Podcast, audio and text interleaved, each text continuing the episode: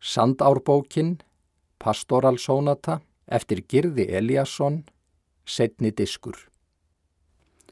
Svo dregja mig aftur í hlipa hver klettin, sný við og gengu upp með ánni á ný. Fram hjá hilnum sem ég byrjaði í og staðnæmist hjá næsta hil þar ofan við.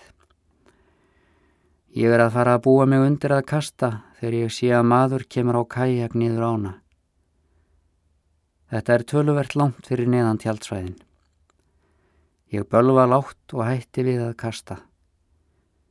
Maðurinn lætur kajakin renna hægt niður eftir, notar ekki árarnar nema til að stýra sér. Hann er einbeittur, starir beint fram fyrir sig. Hann heilsar mér ekki þegar hann fer hjá og það leipir í mig enn meiri gremju. Mér langar að kalla til hans að það sé kona að baða sig hér niður frá og hann verði einfallega að stansa og býða á meðan. Þar að auki sé þetta veiði á, sem ég veit reyndar ekki hvort er rétt, og hann megi ekki trubla fluguveiði á svona degi.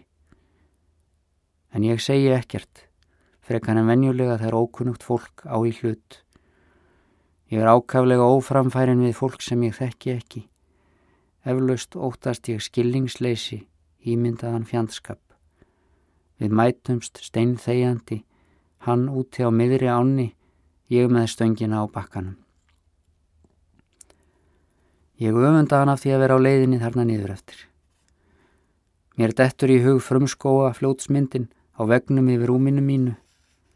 Þessi bátsferð hér er öllu kyrlátari og mun ánægulegri hlutir framöndan.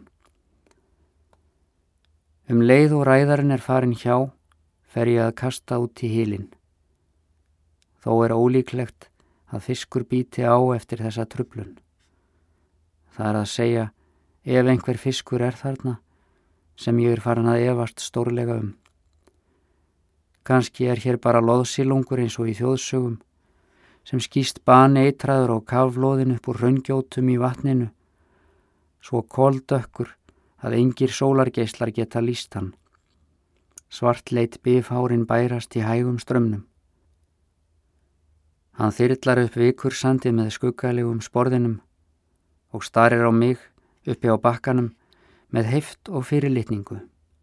Því næst skýst hann aftur niður í djúpa raunhóluna og býður eftir að döð mús fljóti niður eftir ánni. Hann lifir sinni dimmu tilveru í gjótunni og grunar ekki að hann eigi sér í raun ekkert líf, sé aðeins hugarburður frá liðinni tíð. Allt í einu dettur mér í huga það væri mögulegt að mála svona skeppnu og hann í skugga fylltri gjótu líkt á múreinu í sjávarhelli með flugbeittar tennur. Það er því nokkur skona hryllingsmynd. Þegar ég fer aftur að mála með hugarfluginu ætla ég að muna eftir þessu kvikindi. Það verður engin dagspyrta í þeirri mynd. Hún verður eins og svartól í heimingemnum. Sólinn glampar á hilin algerlega fisklausan. Ég sé kajakin í fjarska neðar á anni. Það liftrar á skærguld trefjaplastið svo það er líkt og brot af sjálfri sólinni eldnettinum mikla hafi fallið þangað niður.